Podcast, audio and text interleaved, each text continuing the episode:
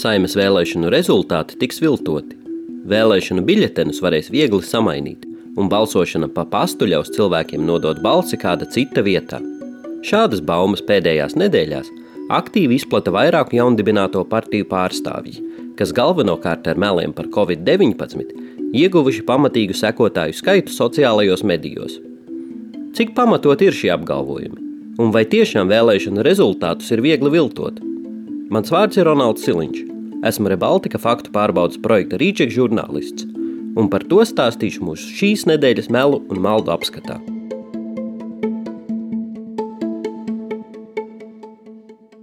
Te ir runa tomēr par organizētu vēlēšanu viltošanu.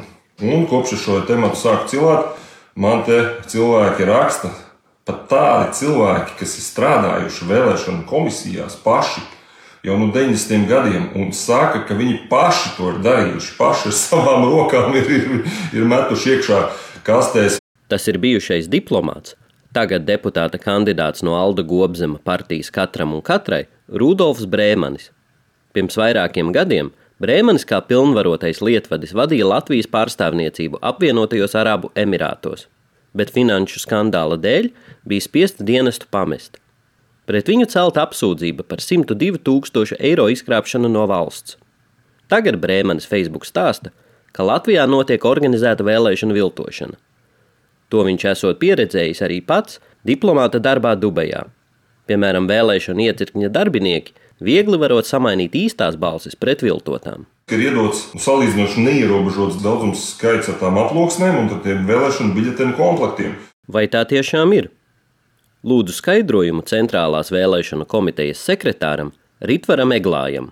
Skaits noteikti nav neierobežots, bet noteikts ir tā, ka katrā pašvaldībā pašvaldības vēlēšana komisija sadala katram iecirknim atbilstīgi prognozējumam vēlētāju skaitam vēlēšana aploksnes un vēlēšanu zīmju kompleksus un piegādā. Eglājs norāda, ka aploksņu un dokumentu skaitu rūpīgi uzrauga. Tad, kad iecirknis saņem aploksnes, tad iecirknim ir jāizdara uz, uzreiz pēc saņemšanas vairākas lietas. Viens ir jāsaskaita, cik tieši ir saņemts, un otrs ir visas jāapzīmogo. Turklāt, tā kā šī ir svarīga lieta un, un uzskaita ir svarīga, tad šīs abas lietas dara divi dažādi cilvēki. Aplokšņu skaits katrā iecirknī tiek reģistrēts. Ja vēlēšanu dienā kādam vajadzīga jauna aploksne, vecā jāatdod komisijai un jāparakstās par jaunas saņemšanu. Pāri palikušās un sabojātās saskaita un marķē. Turklāt pirms balsu skaitīšanas vairākas reizes jāpārbauda, vai iecirknī iesniegto aplokšņu skaits sakrīt ar nobalsojošo cilvēku skaitu. Balsu skaitīšana notiek atklātā iecirkņa komisijas sēdē. To drīkst novērot divi pilnvarotie no katra politiskā spēka, kā arī CVK un mediju pārstāvji. Brēmanis apšauba arī balsošanu pa pastu. Man bija Dubajā, man bija desmit cilvēki, kas šādi priekšlaicīgi nobalsoja. Un šie desmit konverti stāvēja. Nu, jā, tur kaut kāda kārtība atrunāts, ir, kur viņiem, viņiem jāstāv drošā vietā, bet nu, viņi tur stāvēja.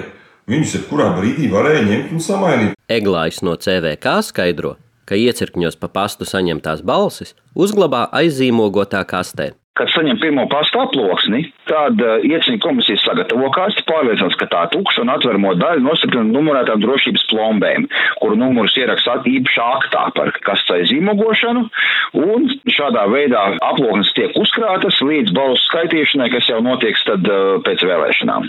Brēmanis arī stāsta, ka balsis skaita elektroniski, tāpēc rezultātu esot viegli izmainīt. Visu vēlēšanu iecirkņu Balsis tiek centralizēta CVK sistēmā, elektroniski, digitāli, tiek eh, saskaitītas un sasumētas nu, vienā, vienā lielā kopumā. Un tur jau gan var, eh, tur var ar tiem skaitļiem spēlēties kā vien grib. Taču nodotās balsis neskaita elektroniski, bet gan vēlēšana komisijas sēdes novērotāju klātbūtnē.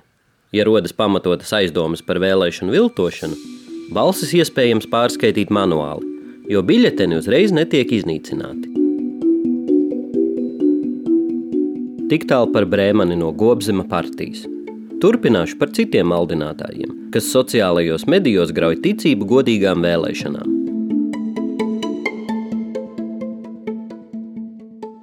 Partijā Tautas kalpi Latvijai apvienojušies vairāki internetā aktīvi dezinformatori.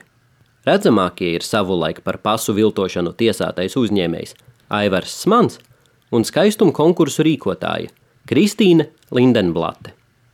Šie cilvēki regulāri izplata nepatiesu informāciju par vakcīnām un atkārto Kremļa melus par karu Ukrainā. Piemēram, stāsta, ka Krievija tajā iebrukusi, jo esot spiest aizsargāties pret NATO valstu ielenkumu. Nesen šiem cilvēkiem pievienojās vokālais pedagogs Edgars Kramiņš. Viņš kādā video stāsta, ka šogad cilvēki varēs viegli nobalsot kāda cita vietā. Es varu nobalsot tādā gadījumā ar tavu personas kodu. Jā. Un ātrāk nekā tu. Jā. Un tad, kad pienāks tauta, tad atzīs par nederīgām, jo mums būs abi biļeti nederīgi. Kāds ir kramiņa pamatojums? Šā gada saimnes vēlēšanās vairs nevajag saņemt spiedogu pasē, jo vēlētāji tiks atzīmēti elektroniskajā reģistrā. CVK pārstāve Laura Krastiņa skaidro, ka jaunā kārtība dod iespēju balsot lielākam cilvēku skaitam. Teorētiski varot būt gadījumi, ka cilvēks izmanto svešus datus un balso kāda cita vietā, taču ieviesti vairāki drošības pasākumi, lai šādu iespēju novērstu. Piesakoties balsot pa pastu no ārzemēm, cilvēka dati nonāk elektroniskajā vēlētāju reģistrā. Krastiņa skaidro, ka katrs vēlētājs varēs elektroniski pārbaudīt informāciju par sevi, ir vai nav reģistrējies pasta balsošanai. Pēc saimas vēlēšanām cilvēki var pieprasīt izziņu par balsošanas faktu, vai balsotājs reģistrēts elektroniskajā vēlētāju reģistrā un kurā iecirknī ieraksts veikts. Tāpat katrs, kurš balsojis pa pastu, ir tiesīgs to darīt arī klātienē. Piemēram, ja viņam ir aizdomas, ka kāds pa pastu nobalsojis viņa vietā. Tādā gadījumā pa pastu sūtītā balss netiek skaitīta. Kramiņš un viņa kolēģi arī maldina, ka iespējams balsot izmantojot mirušu cilvēku personas datus. Lūk, saruna no viņa video. Šie cilvēki viņiem vairs nav iespējas, un viņi būs spiesti balsot pa pastu. Un, un, un nu, tad tas... balsos visi miroņi? Jā, Apgalvojumam nav pamatojuma. Skaidro Eglājs no CVK. Mirušus cilvēkus vienkārši neiekļauj vēlētāju reģistrā. Viņi tur neparādās. Ir jābūt dzīvam, ir jābūt 18 eh, gadiem vēlēšanu dienā un ir jābūt Latvijas pilsonim, lai tu saimnes vēlēšanās tiktu iekļauts vēlētāju reģistrā. Mirušus cilvēkus vienkārši neiekļauj. Tātad ar miruša cilvēka personas datiem nevar pieteikties un saņemt vēlēšanu dokumentus pa pastu. Par vēlēšanu viltošanu runā arī bijušais žurnālists Sandris Točs, tagad deputāta kandidāts no Aināra Šlesera partijas Latvija pirmajā vietā. Ikdienā Točs maldina par covid-19 un vakcīnām, kā arī kritizē Latvijas nostāju pret Krieviju. Tagad Točs raksta, ka Latvijā vilto partiju popularitātes reitingus. Viņa vienīgais arguments ir, ka opozīcijas partijas tajos ir tik zemās vietās – krāpšanās ar reitingiem notiekot, lai nākotnē būtu vieglāk viltot vēlēšanu rezultātus. Tomēr nevienā no saviem Facebook ierakstiem Šlesera sabiedrotais Točs nesniedz nekādus pierādījumus. Ar nepamatotiem apgalvojumiem par vēlēšanu viltošanu šie cilvēki iet bijušā ASV prezidenta Donalda Trumpa pēdās.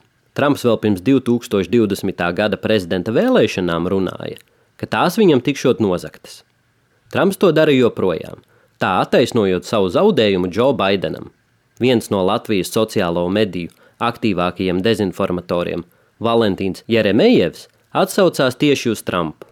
Saviem 34 tūkstošiem Facebook sekotāju Jeremejevs raksta. Atcerieties, ka Trumpam nozaga vēlēšanas pa pastu. Skatieties uzmanīgi.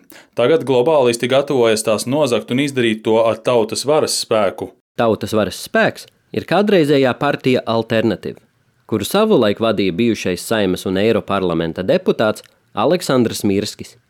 Tagad tā mainījusi nosaukumu un nonākusi Jeremejeva rokās. Taču atgriežoties pie Trumpa, vai tiešām viņam nozaga vēlēšanas? Tā nav taisnība. ASV prezidentu vēlēšanu balsis vairāk kārt pārskaitīja. Pēc Trumpa un viņa atbalstītāju sūdzībām notika aptuveni 60 tiesas prāvas, kurās sprieda arī Trumpa paši ieceltie tiesneši. Nevienā no tām netika pierādīta rezultātu viltošana. Jāpiebilst, ka jautāju visiem minētajiem maldinātājiem, tagad deputātu kandidātiem, kādi ir viņu pierādījumi izteikumiem par viltotām vēlēšanām. Tāpat kā parasti, neviens no viņiem atbildi pēc būtības nesniedz. Tas bija Rebaltika faktu pārbaudes projekta Rīčeka iknedēļas melu un maldu apskats, kuru veidoju es, Ronalds Siliņš, speciāli Latvijas radio ziņu dienestam.